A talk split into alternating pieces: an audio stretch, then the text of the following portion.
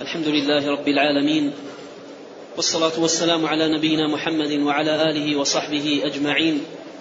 أما بعد فيقول شيخ الإسلام أحمد بن عبد الحليم بن عبد السلام بن تيمية رحمه الله تعالى في العقيدة الواسطية وقوله سبحانه وأحسنوا إن الله يحب المحسنين وقوله وأقسطوا إن الله يحب المقسطين وقوله فما استقاموا لكم فاستقيموا لهم. إن الله يحب المتقين.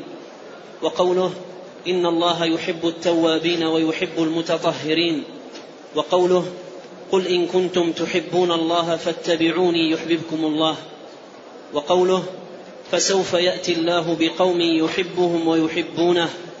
وقوله إن الله يحب الذين يقاتلون في سبيله صفا كأنهم بنيان مرصوص. وقوله وهو الغفور الودود. الحمد لله رب العالمين وأشهد أن لا إله إلا الله وحده لا شريك له وأشهد أن محمدا عبده ورسوله صلى الله وسلم عليه وعلى آله وأصحابه أجمعين. أما بعد فهذه الآيات الكريمات التي ساق المصنف رحمه الله تعالى كلها في إثبات صفة من صفات الله تبارك وتعالى الفعلية وهي صفة المحبة. وهذه الصفة هي من صفات الله جل شأنه الفعلية والصفة الفعلية هي التي لها تعلق بالمشيئة. ولهذا تذكر هذه الصفة بصيغة الفعل يحب وأحب. فهي صفة فعلية. والله تبارك وتعالى متصف بالصفات الفعلية على وجه يليق بجلاله وكماله. فهو يحب ويرضى ويغضب ويسخط و غير ذلك من صفاته جل شأنه الثابتة في كتابه وسنة نبيه صلوات الله وسلامه عليه. وقاعدة أهل السنة في باب الصفات عموما إمرارها كما جاءت والإيمان بها كما وردت. فأهل السنة يؤمنون كما أخبر الرب سبحانه وتعالى عن نفسه أنه يحب يحب المحسنين يحب المتقين يحب التوابين يحب المتطهرين يحب الذين يقاتلون في سبيله صفا كأنهم بنيان مرصوص يحب المتبعين للرسول الكريم عليه الصلاة والسلام. فالله عز وجل يحب خصال الإيمان وخلال الدين التي دعا عباده إليها وهو جل وعلا أيضا يحب يحب العاملين بتلك الأعمال. فيحب التوبة ويحب التوابين. ويحب التقوى ويحب المتقين. يحب تبارك وتعالى الإحسان ويحب المحسنين وهكذا في جميع أعمال الدين التي أمر الله سبحانه وتعالى عباده بها فهو جل شأنه يحبها ويحب العاملين بها. وقد كان نبينا عليه الصلاة والسلام يقول في دعائه اللهم إني أسألك حبك وحب من يحبك وحب العمل الذي يقربني إلى حبك. فالأعمال الصالحات والطاعات الزاكيات كلها مقربة إلى حب الله بمعنى أن العبد إذا قام بها تقربا إلى الله جل شأنه وطلبا لثوابه ونيل مرضاته جل وعلا أحبه الله. أحبه الله جل وعلا. وإذا أحبه ترتب على حبه سبحانه خير الدنيا والآخرة وثواب الدنيا والآخرة. وإيمان العبد بهذه الصفة العظيمة أعني المحبة أن الرب سبحانه وتعالى متصف بأنه يحب. يدعو العبد إلى الأخذ بالأسباب والأعمال التي تجلب له محبة الله وينال بها محبة الله ويظفر بها بمحبة الله سبحانه وتعالى له. وهذه غاية المطالب. وأجل المقاصد أن يظفر العبد بحب مولاه سبحانه وتعالى وأن يكون ربه سبحانه وتعالى يحبه. فهو عز وجل يحب. يحب أهل الإيمان وأهل الإيمان يحبونه يحبهم ويحبونه كما قال ذلكم جل وعلا يحبهم ويحبونه فهو جل وعلا يحب ويحب يحب أهل الإيمان ويحبه أهل الإيمان. وأهل الإيمان لما أحبوا الإيمان ولزموه وأطاعوا الله سبحانه وتعالى واتبعوا شرعه وتمسكوا بدينه سبحانه وتعالى أحبهم رب العالمين. فنالوا بذلك الفوز المبين. الشاهد أن من علم أن من أوصاف الرب سبحانه وتعالى أنه يحب فإن ذلكم يستوجب أن يقبل على الأعمال الجالبة للمحبة. أن يقبل على الأعمال الجالبة لمحبة الله. أيضا بالمقابل إيمان العبد بأن الله يغضب. سبحانه. ويسخط. يستوجب أن يعرف الأعمال التي تغضب الله وتسخطه سبحانه وتعالى ليتجنبها ويبتعد عنها. وهذا أيضا يعلم به ثمرة العقيدة. الصحيحة وأثرها المبارك على النفوس بخلاف الضلال الذين ينفون عن الله سبحانه وتعالى هذه الصفة وبزعمهم ينزهونه عن ذلك ويزعمون أنه ليس متصفا بذلك. أرأيتم شخصا عقيدته والعياذ بالله أن الله لا يحب ولا يحب؟ كيف يعمل؟ عقيدته أن الله لا يحب ولا يحب كما هي عقيدة الجامية الضلال. ويزعمون أن الله منزه عن ذلك. كيف يعمل؟ كيف يقبل؟ كيف يعبد؟ كيف يطيع؟ إذا كانت هذه عقيدته. ولهذا العقيدة الفاسدة تحرف صاحبها إلى أبعد ما يكون في أعماله وعباداته وسلوكه وتعاملاته. والعقيدة الصحيحة تعلي صاحبها إلى أعلى الدرجات. ورفيع المقامات. فالذي يؤمن بأن الله سبحانه وتعالى يحب ويستشعر هذا الوصف العظيم يستشعر اتصاف الله سبحانه وتعالى بذلكم ويبدأ يقوم في قلبه طمع يتزايد في أن ينال محبة الله وأن يكون ممن يحبهم الله سبحانه وتعالى فيعمل فيعمل في كل أمر ينال به محبة الله عز وجل.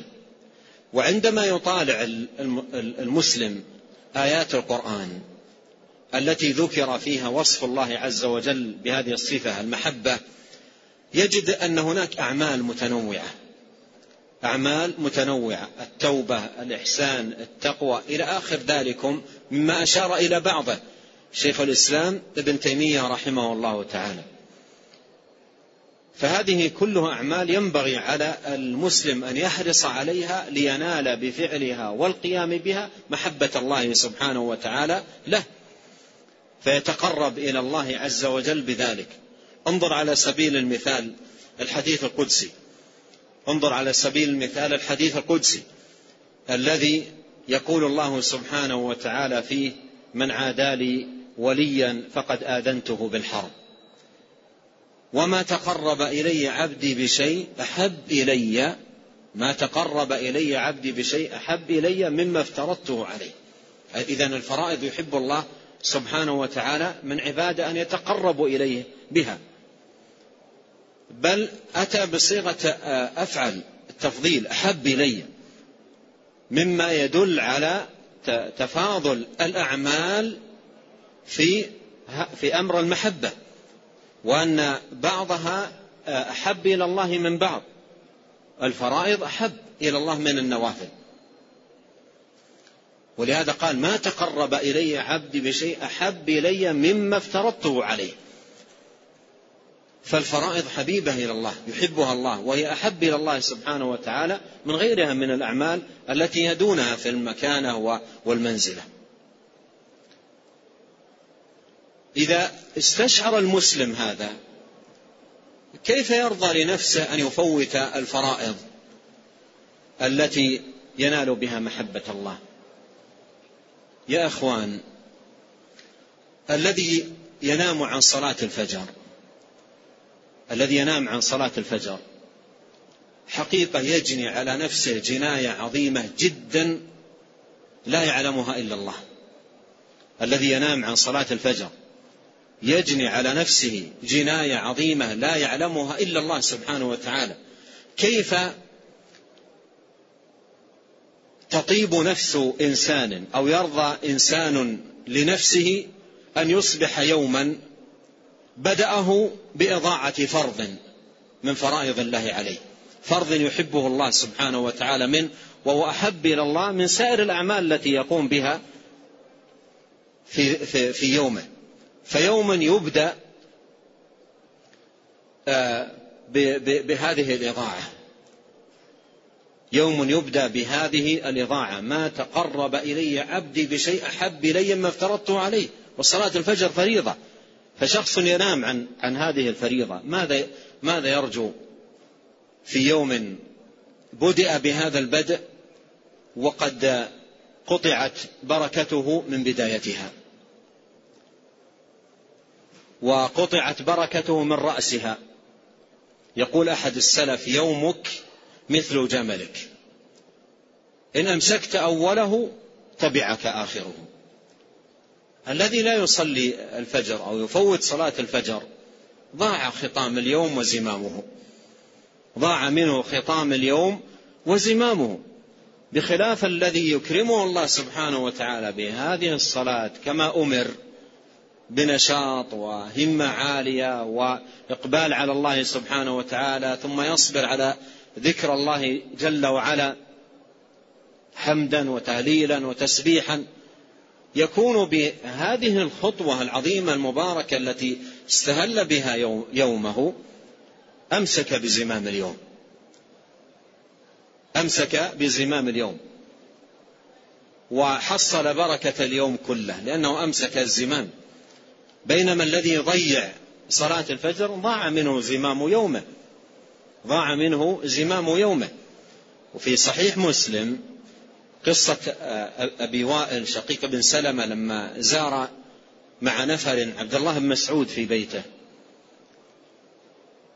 وفيها أنهم لما دخلوا عليه أخذ يسبح ويحمد أحمد الله. وقال للجارية انظري أطلعت الشمس. فلما نظرت وأخبرته قالت نعم طلعت الشمس. قال الحمد لله الذي أقالنا يومنا هذا ولم يؤاخذنا بذنوبنا. قال الحمد لله الذي أقالنا يومنا هذا ولم يؤاخذنا بذنوبنا. اليوم ما انتهى. ما زال في أول اليوم. ويقول الحمد لله الذي أقالنا يومنا هذا. بمعنى أن الذي يكرمه الله سبحانه وتعالى بأن يمسك زمام اليوم من أوله بالصلاة أداء الفريضة والذكر لله عز وجل ضمن له اليوم بإذن الله. وهو في ذمة الله حتى يمسي. وهو في ذمة الله تبارك وتعالى حتى يمسي. إذا لما نتحدث عن المحبة وأن الله سبحانه وتعالى يحب يحب التوابين يحب المتطهرين يحب لابد من حياة عملية. وبداية اليوم في حياتك العملية لتنال محبة الله سبحانه وتعالى صلاة الفجر. إذا ضاعت هذه الصلاة ضاع هذا العمل ضاعت هذه الخيرات. كيف يرجو الإنسان لنفسه المحبة والخير بمجرد الأماني؟ الأماني ما تفيد. الأماني ما تفيد. إخوان القردة والخنازير يقولون نحن أبناء الله وأحباؤه. يقول نحن أبناء الله وأحباؤه. لا وأيضا يقولون لن يدخل الجنة إلا من كان هودا أو نصارى. ليس بأمانيكم ولا أماني أهل الكتاب من يعمل سوءا يجزى به. الذي يريد أن ينال محبة الله سبحانه وتعالى له يعمل يعمل بالأسباب التي ينال بها محبة الله. يعمل بالأسباب التي ينال بها محبة الله سبحانه وتعالى. وربنا جل شأنه يقول في هذا الحديث القدسي ما تقرب إلي عبدي. ما تقرب إلي عبدي بشيء أحب إلي مما افترضته عليه. إذا إذا اعتقدنا وآمنا أن الله يحب وطمعت قلوبنا في آه، أن نكون من هؤلاء الذين يحبهم الله سبحانه وتعالى فما تقرب متقرب إلى الله بشيء أحب إلى الله من فرائض الإسلام واجبات الدين. فلا نضيعها. ثم قال جل شأنه ولا يزال عبدي يتقرب إلي بالنوافل. يعني بعد محافظة على الفرائض وعناية به لا يزال يتقرب إلي بالنوافل حتى أحبه. فإذا أحببته خذ الثمار والآثار التي تنتج عن حب الله سبحانه وتعالى لعبده. قال فإذا أحببته كنت سمعه الذي يسمع به وبصره الذي يبصر به. ويده التي يبطش بها ورجله التي يمشي عليها ولئن سألني لأعطينه ولئن استعاذ بي لأعيذنه. أي أنه مسدد في قوله في لسانه في يده في قدمه في حركته في جميع أموره مسدد بتسديد الله سبحانه وتعالى ودعواته مستجابات وتعوذاته بالله تبارك وتعالى مستجابات. لئن سألني لأعطينه ولئن استعاذ بي لأعيذنه. إذا جاءه أمر مخوف أو شيء مهول وقال أعوذ بالله اللهم أجرني اللهم يجيبه الله سبحانه وتعالى لأنه يحبه سبحانه وتعالى. فهذه العقيدة المباركة العظيمة التي تقوم في قلب المؤمن تكسبه خيرات عظيمة تكسبه خيرات عظيمة في دنياه وأخراه. فواجب على المسلم أن يعتقد هذه العقيدة العظيمة أن الله سبحانه وتعالى يحب متصف بالمحبة وعليه أن يعمل بالأسباب التي ينال بها محبة الله جل وعلا. والإمام ابن القيم رحمه الله في, في, في كتابه مدارج السالكين وهو كتاب تحدث فيه عن منازل السائرين وذكر من جملة منازلهم المحبة. وتكلم عن المحبة وأفاض وأفاد وأجاد رحمه الله تعالى وعقد فصلا عظيما نحتاج جميعا حاجة ماسة إلى العلم به وضبطه. عنون له بالأسباب الجالبة لمحبة الله. فصل في الأسباب الجالبة لمحبة الله. وذكر رحمه الله تعالى عشرة أسباب وختمها بقوله فمن هذه الأسباب العشرة وصل المحبون إلى منازل المحبة. من هذه الأسباب العشرة وصل المحبون إلى منازل المحبة. إذن يا أخوان هذه الأسباب العشرة نعتني بضبطها بالأقلام بالصدور بالحفظ بالعمل. راجين من الله سبحانه وتعالى وكم عند الله عز وجل من الخير. فنبذل السبب نكتب بأقلامنا نحفظ بصدورنا نجتهد في العمل بهذه الأسباب الجالبة لمحبة الله سبحانه وتعالى ونحن طامعين راجين أن نكون من عباد الله الذين يحبهم الله. اللهم إنا نسألك حبك وحب من يحبك والعمل الذي يقربنا إلى حبك. ذكر رحمه الله تعالى السبب الأول من الأسباب الجالبة للمحبة؟ قراءة القرآن بالتدبر. قراءة القرآن بالتدبر. التأمل في, في كلام الله تبارك وتعالى وفي آياته عز وجل التي فيها التعريف بالمعبود والخالق العظيم وبالأعمال التي يدعو عباده إلى العمل بها والقيام بها. فيقرأ القرآن متدبرا متأملا. فهذا باب عظيم من أعظم الأبواب الجالبة لمحبة الله سبحانه وتعالى. السبب الثاني التقرب إلى الله جل وعلا بالنوافل بعد الفرائض. التقرب إلى الله سبحانه وتعالى بالنوافل بعد الفرائض. بمعنى أن تتجه عناية العبد أولا إلى فرائض الإسلام واجبات الدين فهي أحب ما تقرب العبد إلى الله سبحانه وتعالى به ثم بعد هذه العناية بالفرائض يقبل على نوافل الإسلام. وقد مر معنا في الحديث القدسي قول ربنا ولا يزال عبدي يتقرب إلي بالنوافل حتى أحبه. إلى آخر الحديث. السبب الثالث دوام الذكر. دوام الذكر لله سبحانه وتعالى وأن يحرص على الأذكار سواء منها الموظفة وهي أذكار الصباح والمساء وأذكار النوم وأذكار الصلوات وأدبار الصلوات وأذكار الدخول والخروج والركوب والطعام وغير ذلك. هذه أذكار موظفة في آه، أوقات معينة وفي أعمال معينة فيعتني بها. يعتني بها المسلم وأيضا يحرك لسانه وقلبه ذكرا لله سبحانه وتعالى في مختلف الأوقات وفي جميع الأحوال الذين يذكرون الله قياما وقعودا وعلى جنوبهم. والأمر الرابع إيثار محاب الله سبحانه وتعالى على ما سوى ذلك. إيثار محب الله إيثار الأمور التي يحبها الله وتقديمها. لا أن يكون الإنسان في تعاملاته مع الأمور ومع الأشياء يقدم هواه. على ما يحبه ربه ومولاه. ثم مع تقديمه لهواه على ما يحبه ربه ومولاه يرجو مع هذا الإسراف ومع هذا هذه الإضاعة أن ينال بذلك محبة الله. فعلى العبد أن يعود نفسه على إيثار ما, ما يحبه الله سبحانه وتعالى على ما تهواه نفسه وتميل إليه. الأمر الخامس مطالعة القلب لأسماء الله وصفاته. بمعنى أن يتدبر المسلم ويتأمل ويتفقه في هذا الباب العظيم باب الأسماء والصفات.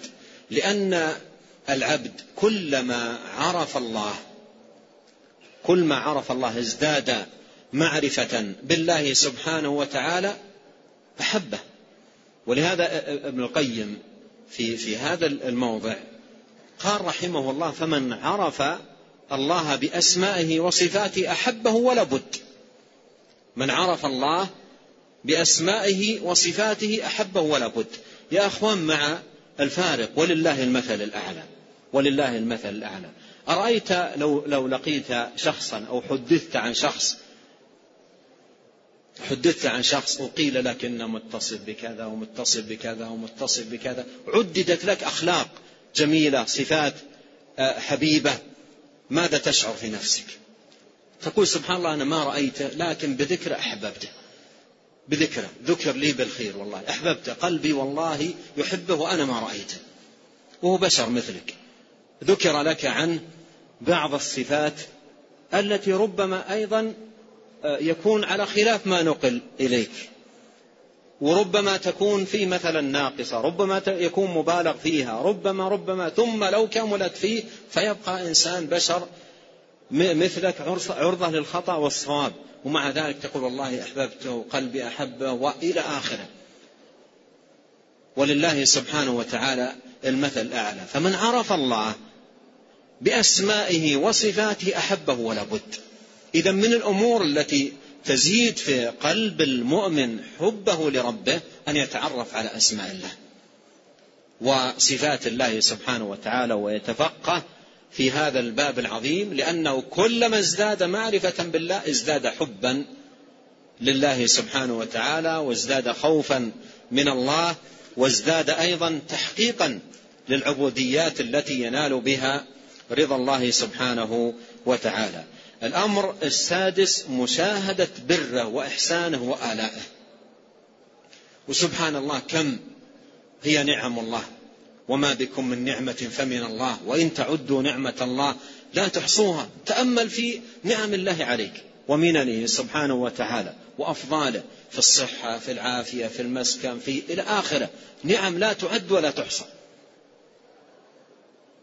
وكل نعمة بك فالله موليها والله المتفضل بها. فلما تطالع النعم والآلاء والأفضال أنعم علي بكذا الحمد لله أنعم علي بكذا الحمد لله أنعم تذكر نعم الله سبحانه وتعالى عليك فتلهج ذكرا لله وثناء على الله وحبا لله سبحانه وتعالى. كان نبينا عليه الصلاة والسلام ثبت عنه إذا أوى إلى فراشه إذا أوى إلى فراشه قال وهو على جنبه الأيمن قال الحمد لله الذي أطعمنا وسقانا وهدانا الحمد لله الذي أطعمنا وسقانا وكفانا وآوانا وكم ممن لا كافي له ولا مؤوي. ينام ذاكرا نعمة الله. ذاكرا نعمة الله سبحانه وتعالى نعمة الله في المسكن في المأوى في المطعم في المشرب. نعم. فإذا ذكر العبد نعم الله سبحانه وتعالى عليه وحضرت حضر هذا الذكر في قلبه تحرك الحب في في قلبه. فهذا من من أسباب الجالبة للمحبة. الأمر السابع انكسار القلب. انكسار القلب بكليته بين يدي الله. انكسار القلب بكليته بين يدي الله خضوعا وذلا لله.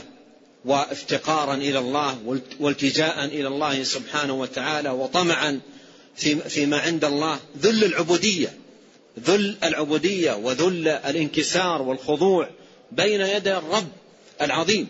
وأشرف أحوال العبد أن يذل بين يدي ربه.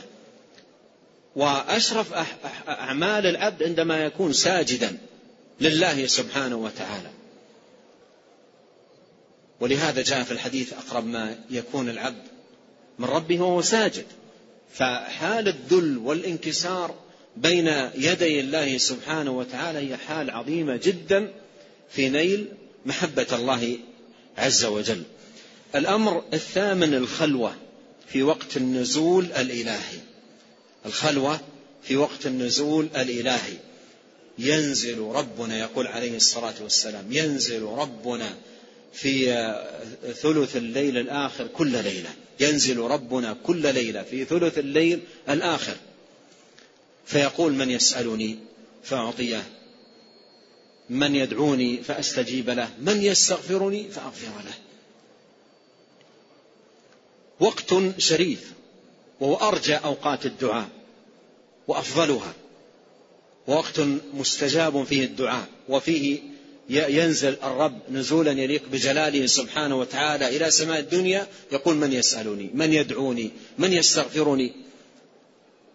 فهذا الوقت الشريف الذي يريد أن يفوز في في هذا الباب ما باب المحبة وينال فيها سبقا وظفرا ظفرا عظيما عليه أن يجعل لنفسه حظا من من هذا الوقت وقت النزول الإلهي. يدعو يصلي يقرأ يذكر يناجي يستغفر. والمستغفرين بالأسحار. الآن مصيبتنا في زماننا هذا الآن مع الإضاءة والأنوار والملهيات والشواغل. أصبح الخوف الآن على صلاة الفجر. أما آه، قيام ليل وتحري دعاء في ثلث الأخير من الليل هذا مثل ما يقولون راح في خبر كان. في بسبب الشواغل والملهيات والصوارف الكثيرة. هذا الوقت الشريف الفاضل من آثار هذه العقيدة العظيمة الطمع في أن يفوز الإنسان بهذا المقام وأن يظفر به وأن يظفر فيه بمكانة علية عند الله. يحرص على هذا الوقت وقت النزول الإلهي ويكون في خلوة في مناجاة في سؤال في دعاء في طلب في تلذذ في إقبال على الله سبحانه وتعالى يجعل له حظا ونصيبا. والنبي صلى الله عليه وسلم نهى عن السهر بعد هدأة الليل لأنه مضر. يضر بصلاة الفجر. الذين يسهرون الذين يسهرون هم في فريضة الإسلام التي هي صلاة الفجر على خطر. وكثيرا ما يفوتونها. وأصبحت صلاة الفجر تفوت في, الأسبوع الواحد ما نتحدث عن الشهر. عند بعض الناس تفوت في الأسبوع الواحد أربع مرات على أقل تقدير أو ثلاث مرات. وأصبح القلب والعياذ بالله مستمرئ آه، فوات الفريضة. نسأل الله الكريم العافية. اللهم إنا نسألك العافية. اللهم إنا نسألك العافية. إذا كنا نضيع الفجر ماذا ننتظر؟ سبحان الله. فالشاهد أن من الأسباب الجالبة للمحبة تحري هذا الوقت المبارك. تحري هذا الوقت المبارك وقت النزول الإلهي. الأمر التاسع مجالسة المحبين الصادقين. والإنسان لا يزكي أحدا من الناس لكن من يتحرى فيه الخير من يتحرى فيه الاستقامة من يتحرى فيه التدين والعبادة يحرص على مجالسته. واصبر نفسك مع الذين يدعون ربهم بالغداة والعشي يريدون وجهه ولا تعد عيناك عنهم. ولهذا جاء في الحديث أن النبي عليه الصلاة والسلام قال المرء على دين خليله. فلينظر أحدكم من يخالل. المرء على دين خليله فلينظر أحدكم من يخالل إذا من الأمور الجالبة للمحبة أن يحرص الإنسان على مجالسة المحبين الصادقين. الأمر العاشر والأخير مباعدة كل سبب يحول بين القلب وبين الله. مباعدة كل سبب يحول بين القلب وبين الله وضع في هذا المقام ببنط عريض وكبير القنوات الفضائية والشبكة العنكبوتية. آفة العصر. ضع هذه بين بنطين عريضين بخط واضح أيقظ قلبك انتبه. كل شيء يبعدك عن أن تنال بمحبة الله سبحانه وتعالى. فاحذره. احذروا غاية الحذر. سبحان الله أي خير يرجو الإنسان يجلس أمام شاشة. ثم فضولا ينظر إلى حثالات البشر. ومن هم آه، من أخس الناس وأحقرهم في عهر في فجور في فساد في انحراف في انحلال في انحطاط ينظر إليهم. ثم يسلب مع هذا النظر هذا الشرف العظيم. ويضيع من هذا الفضل الكبير. وتجده مع الجلوس مع الجلوس شيئا فشيئا يسلب إيمانه ويضعف دينه ويرق إيمانه وتبدأ تضيع منه النوافل ثم الفرائض ثم ثم. وهذه آفة العصر الآن. فالعبد الذي يريد أن يفوز في هذا المقام فوزا عظيما عليه أن ينقئ أن يغلق النوافذ التي تدخل الرياح القبيحة والرياح المؤذية يغلق النوافذ. الآن إذا كنت في بيت نظيف إذا كنت في بيت نظيف وفي هواء نقي وفتحت الشباك وإذا روائح كريهة فظل فاتحا له حتى يتلوث البيت ويعمها الريحة الرائحة القذرة أبدا والله. تجد الإنسان يغلق النوافذ ويوصد الأبواب التي تدخل عليه وسخا أو قدرا أو حقرات فمصيبة العصر في, في, في هذا الباب ومصيبة المصائب القنوات الفضائية والشبكة العنكبوتية. هذه حقيقة أضرت بالناس إضرارا كثيرا فينبغي على العبد أن يتقي الله سبحانه وتعالى وأن ينتبه ولا يضيع الشيطان. لا يضيع الشيطان فيسلب منه أثمن شيء في هذه الحياة. إذا خلوت الدهر يوما فلا تقل خلوت ولكن قل علي رقيب. فابن القيم يقول مباعدة كل سبب يحول بين القلب وبين الله. ابن القيم رحمه الله لما يقول مثل هذا الكلام ما ما ما رأوا عصرنا. ابن القيم لما يقول مباعدة كل سبب ما رأوا عصرنا. ما رأوا الآفات والعواصف والعواتي التي انصبت على الناس من كل جهة. أحد الأخيار الصالحين. يرأف لحال الصغار والناشئة في, في هذا العصر. قال سبحان الله طلعوا على شيء ما طلعنا عليه. هذا قريب كيف بزمن ابن القيم؟ فابن القيم يقول مباعدة. مباعدة يعني يكون في الشارع شخص منحرف ابتعد عنه. هذا مثلا. أو مثلا شخص مثلا سيء مر بالقرية يحمل معه سموما أو كذا ويذهب يلفظها الناس. هذا حد يعني الأمور التي يخشى منها. أما الآن داخل البيوت وفي الغرف وفي السيارات وفي الجيب في الجوالات وكل مكان. ولا عاصم إلا الله. اللهم احفظنا. اللهم احفظنا. أورد آه، الإمام ابن تيمية رحمه الله تعالى آيات عظيمة جدا في إثبات هذه الصفة. لله جل وعلا بدأها بقول الله سبحانه وأحسنوا وأحسنوا إن الله يحب المحسنين وأحسنوا إن الله يحب المحسنين. أمر بالإحسان وحذف متعلقة. يعني مثلا لم يقل أحسنوا في صلاتكم أحسنوا في صيامكم أحسنوا في معاملتكم للعباد الله أحسنوا في كذا. لم لم يذكر المتعلق. وحذف المتعلق يفيد العموم. يعني أحسنوا في كل ما أمركم الله سبحانه وتعالى بالإحسان فيه والإحسان يكون في عبادة الخالق وفي معاملة المخلوق. الإحسان يكون في في عبادة الخالق ويكون في معاملة المخلوق. والإحسان في عبادة الخالق أن تعبد الله كأنك تراه.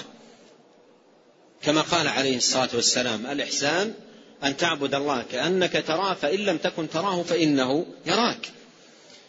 والإحسان في معاملة المخلوق أن تحب له ما تحب لنفسك وأن تعامله بالمعاملة التي تحب أن تعامل بها. فمطلوب من المسلم أن يكون محسنا في عبادته للخالق وفي معاملته للمخلوق. فإذا أحسن والإحسان هو الإتقان والإجادة فإذا أحسن أحبه الله. قال إن الله يحب المحسنين. إن الله يحب المحسنين. وفي الآية الأخرى قال والذين جاهدوا فينا لنهدينهم سبلنا وإن الله لمع المحسنين. فالمحسن الله يحبه. والله تبارك وتعالى معه أي المعية الخاصة. معية الحفظ والتأييد والتوفيق والتسديد والإكرام والإنعام. هذه الآية الأولى. الآية الثانية أورد رحمه الله تعالى قوله وأقسطوا إن الله يحب المقسطين. أي اعدلوا. اعدلوا في أحكامكم في تعاملاتكم في بيعكم في شرائكم في أموركم. اعدلوا. عليكم بالعدل. ما قامت السماوات والأرض إلا به. أقسطوا إن الله يحب المقسطين. أي إن الله سبحانه وتعالى يحب المتصفين بالعدل بالقسط. يحب من كان كذلك. فهذه من الصفات التي يحبها الله يحب العدل يحب أهل القسط. فيحرص المسلم في تعاملاته مع أولاده مع الناس في أموره كلها أن يكون متعاملا بالعدل والإنصاف تحريا بهذا التعامل أن ينال محبة الله سبحانه وتعالى له. والآية الثالثة قول الله سبحانه وتعالى فما استقاموا لكم فاستقيموا لهم. إن الله يحب المتقين. فما استقاموا لكم. أي ما داموا مستقيمين.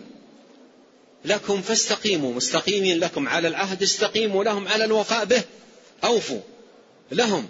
ما دام لم ينقضوا العهد الذي بينكم وبينهم فأنتم كونوا على الوفاء. ما استقا فما استقاموا لكم فاستقيموا لهم. إن الله يحب المتقين. إن الله يحب المتقين. يحب المتصفين بالتقوى.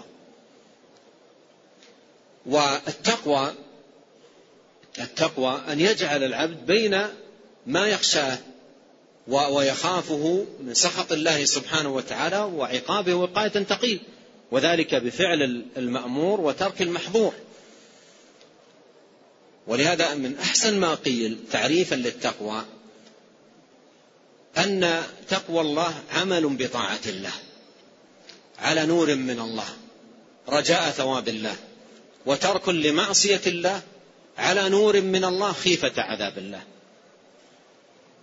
فالتقوى خير زاد وتزودوا فإن خير الزاد التقوى. والتقوى وصية الله جل شأنه للأولين والآخرين من خلقه.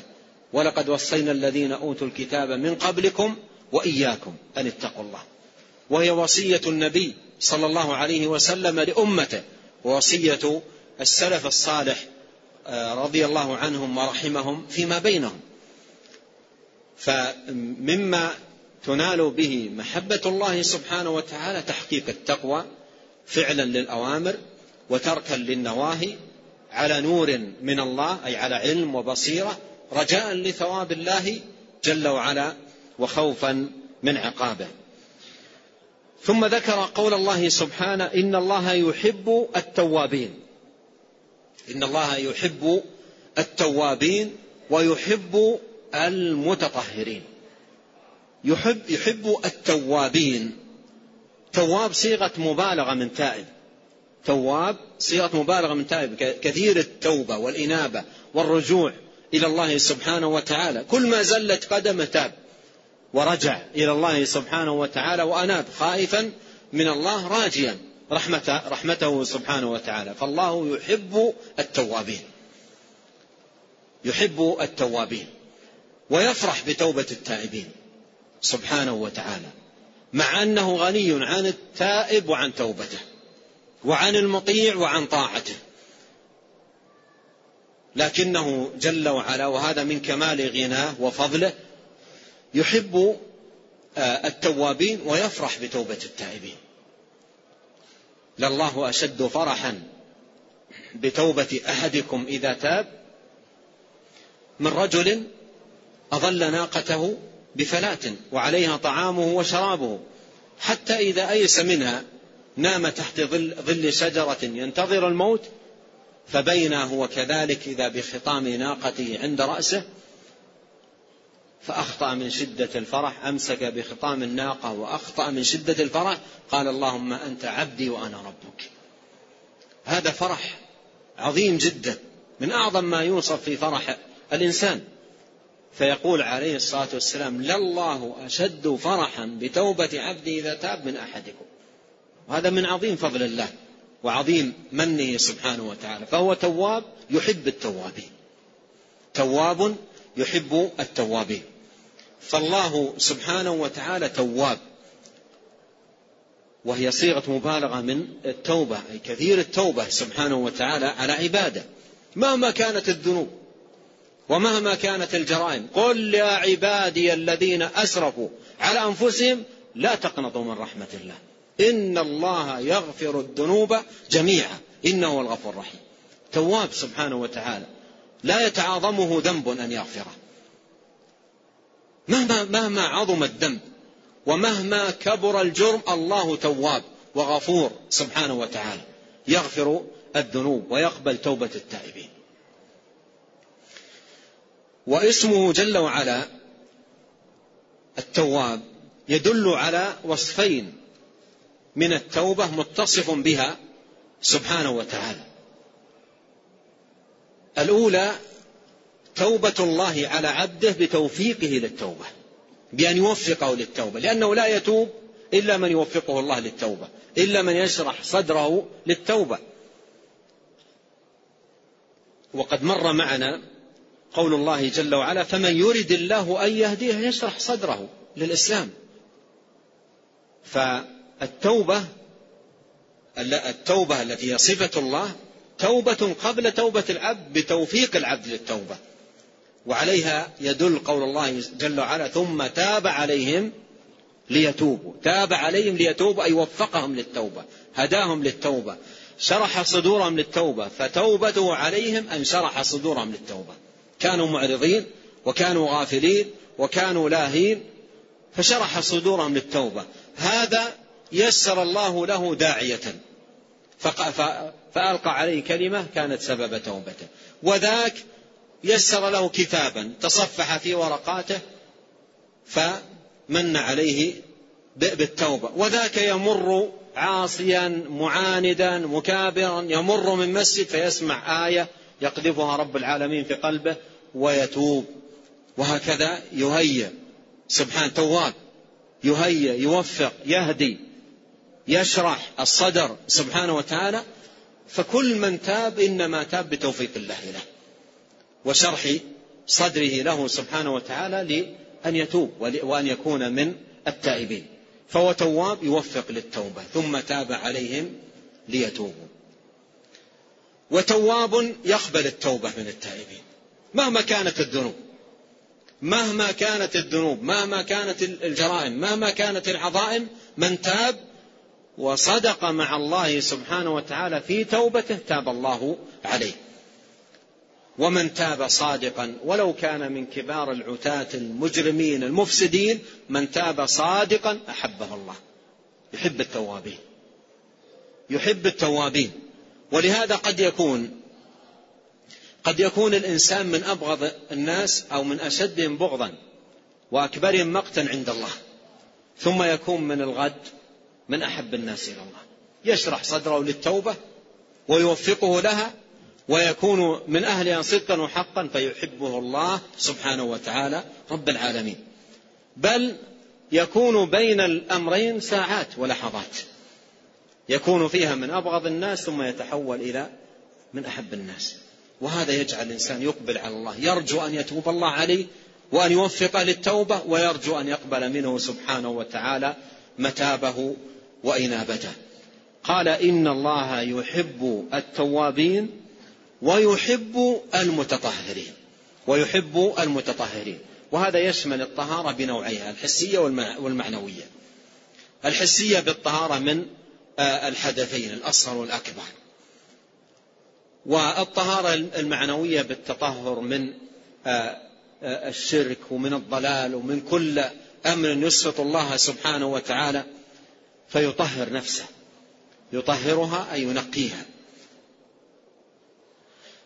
آه، قال إن الله يحب التوابين ويحب المتطهرين. ثم أورد قول الله سبحانه وتعالى قل إن كنتم تحبون الله. قل إن كنتم تحبون الله فاتبعوني يحببكم الله ويغفر لكم ذنوبكم. قل إن كنتم تحبون الله. فاتبعوني. جاء عن الحسن فيما أورده ابن كثير رحمه الله في تفسيره أنه قال زعم قوم أنهم يحبون الله حبا شديدا. زعم قوم أنهم يحبون الله حبا شديدا. فقال الله قل إن كنتم تحبون الله فاتبعوني. قل إن كنتم تحبون الله فاتبعوني يحببكم الله.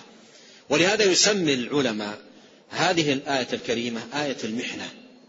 آية المحنة.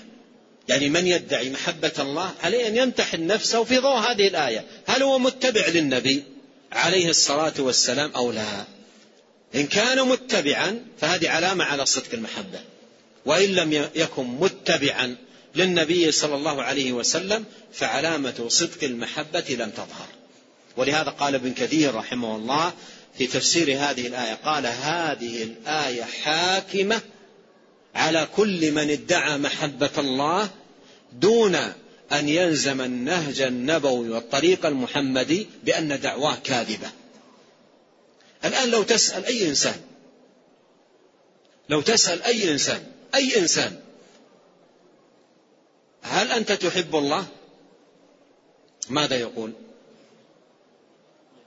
أي إنسان تسأله تقول هل أنت تحب الله؟ يقول والله أحب الله حبا شديدا. لكن الواقع الواقع في من يقول والله أحب الله حبا شديدا الواقع ذاك كافر بالله ذاك لا يعبد الله ذاك لا يطيع الله ذاك لا يتبع أمر الله ذاك يعصي الله ليلا ونهارا ذاك ذاك إلى آخره. وكل واحد منهم يقول الله أحب الله حبا شديدا.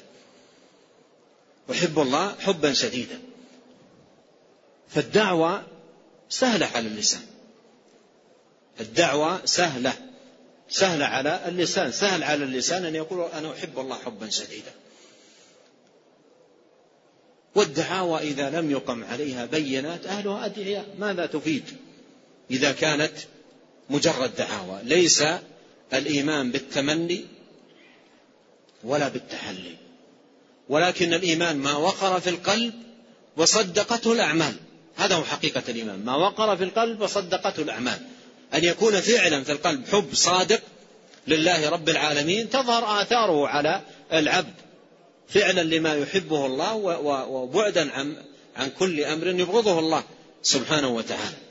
ولهذا جاءت هذه الإمارة.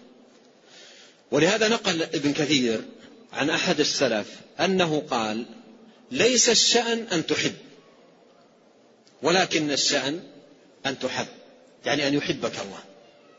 والله عز وجل لا يحب العبد مجرد الدعاوى. لا بد من بينات على صدق المحبة حتى ينال بها محبة الله.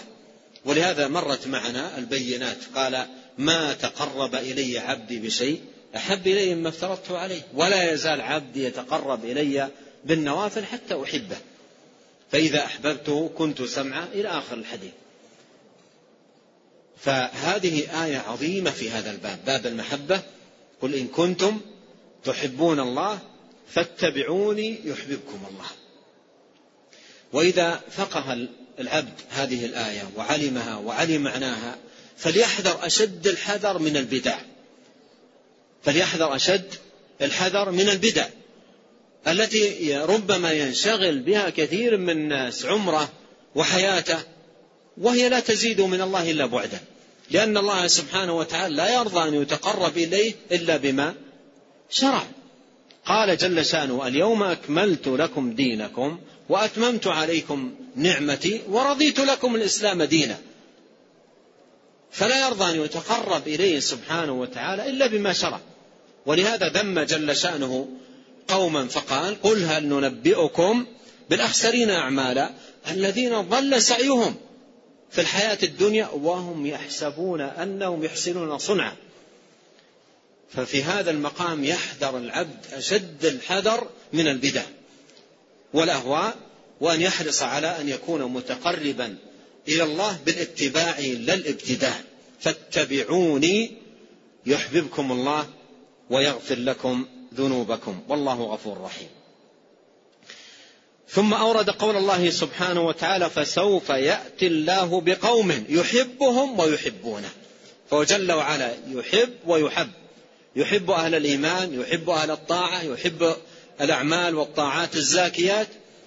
وأهل الإيمان يحبونه. وأهل الإيمان يحبونه. وأيضا قل في الرضا رضي الله عنهم ورضوا عنه.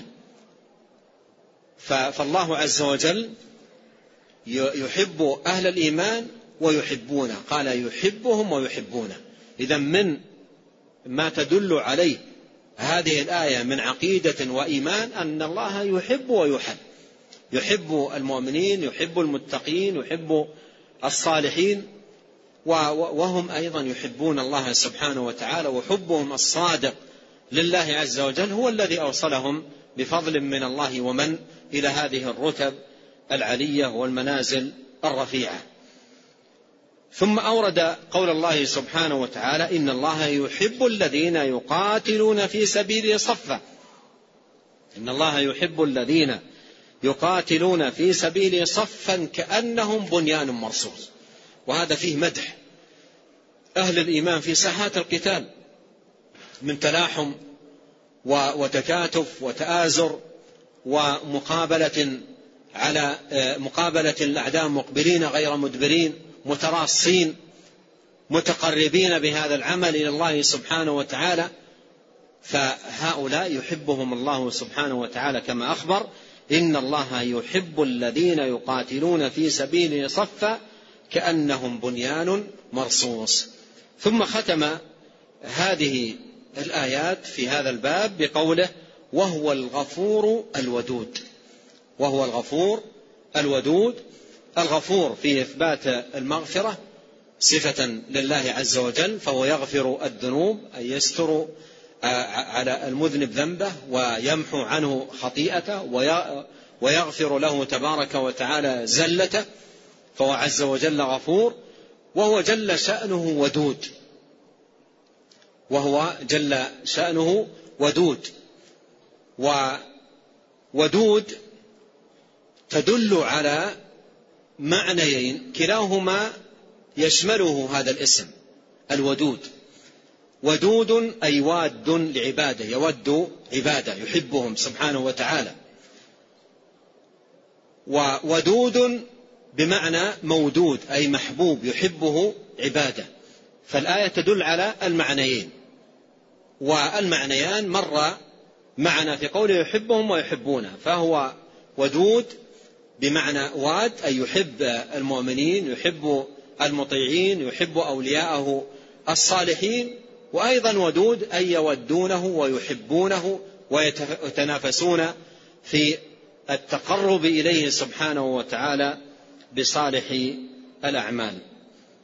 الحمد لله الذي أنعم علينا بقراءة هذا العلم. نسأل الله جل وعلا أن يودعه قلوب قلوبنا. اللهم انفعنا به. اللهم اجعله حجة لنا. لا علينا. اللهم إنا نسألك حبك وحب من يحبك والعمل الذي يقربنا إلى حبك. ما شاء الله. لا قوة إلا بالله.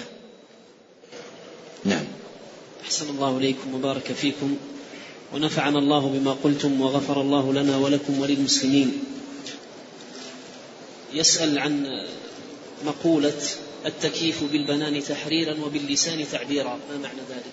أعد يسأل عن معنى التكييف بالبنان تحريرا وباللسان تعبيرا. بالبنان.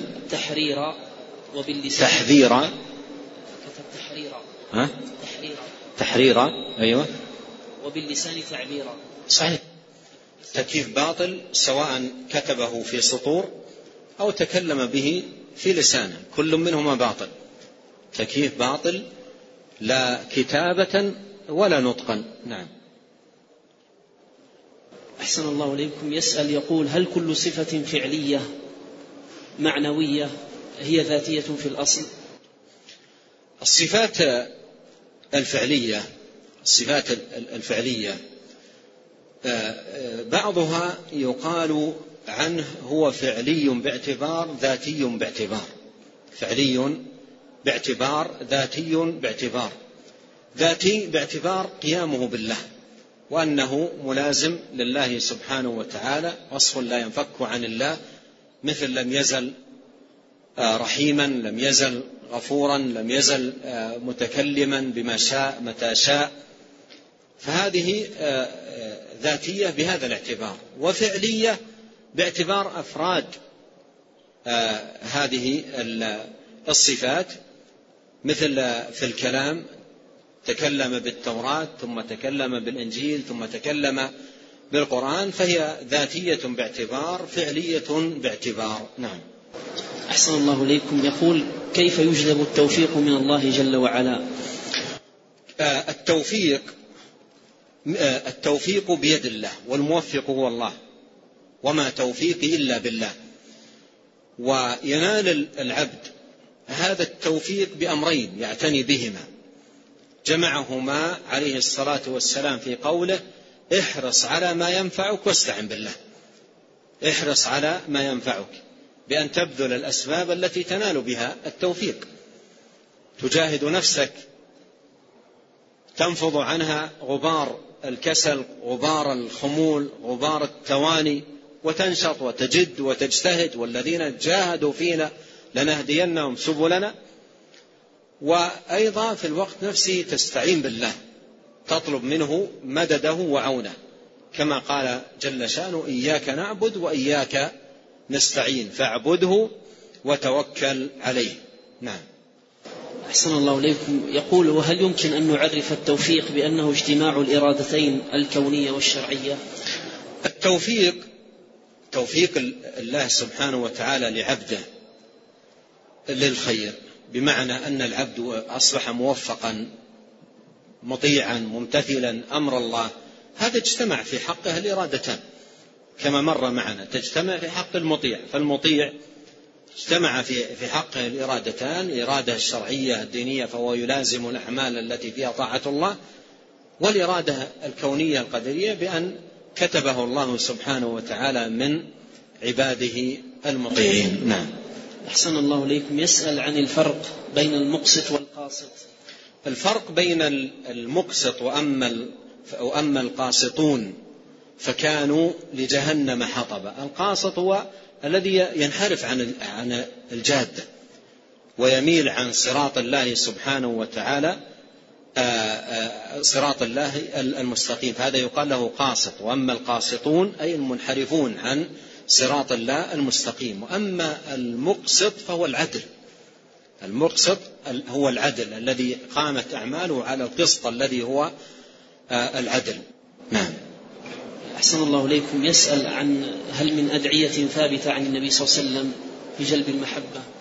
من أعظم ما يكون في في هذا الباب هذا الدعاء وهو ثابت عن النبي عليه الصلاة والسلام. اللهم إني اللهم إني أسألك حبك وحب من يحبك والعمل الذي يقربنا إلى حبك. ونسأل الله الكريم رب العرش العظيم أن يصلح أحوالنا أجمعين. اللهم عنا ولا تعن علينا وانصرنا ولا تنصر علينا. وامكر لنا ولا تمكر علينا. واهدنا ويسر الهدى لنا وانصرنا على من بغى علينا. اللهم اجعلنا لك شاكرين لك ذاكرين إليك أواهين منيبين. لك مخبتين لك مطيعين. اللهم تقبل توبتنا واغسل حوبتنا وثبت حجتنا واهد قلوبنا وسدد ألسنتنا واسلل سخيمة صدورنا. اللهم اقسم لنا من خشيتك ما يحول بيننا وبين معاصيك ومن طاعتك ما تبلغنا به جنتك ومن اليقين ما تهون به علينا مصائب الدنيا اللهم متعنا بأسماعنا وأبصارنا وقوتنا ما أحييتنا واجعله الوارث منا واجعل ثأرنا على من ظلمنا وانصرنا على من عادانا ولا تجعل مصيبتنا في ديننا ولا تجعل الدنيا أكبر همنا ولا مبلغ علمنا ولا تسلط علينا من لا يرحمنا. سبحانك اللهم وبحمدك أشهد أن لا إله إلا أنت أستغفرك وأتوب إليك. اللهم صل وسلم على نبينا محمد.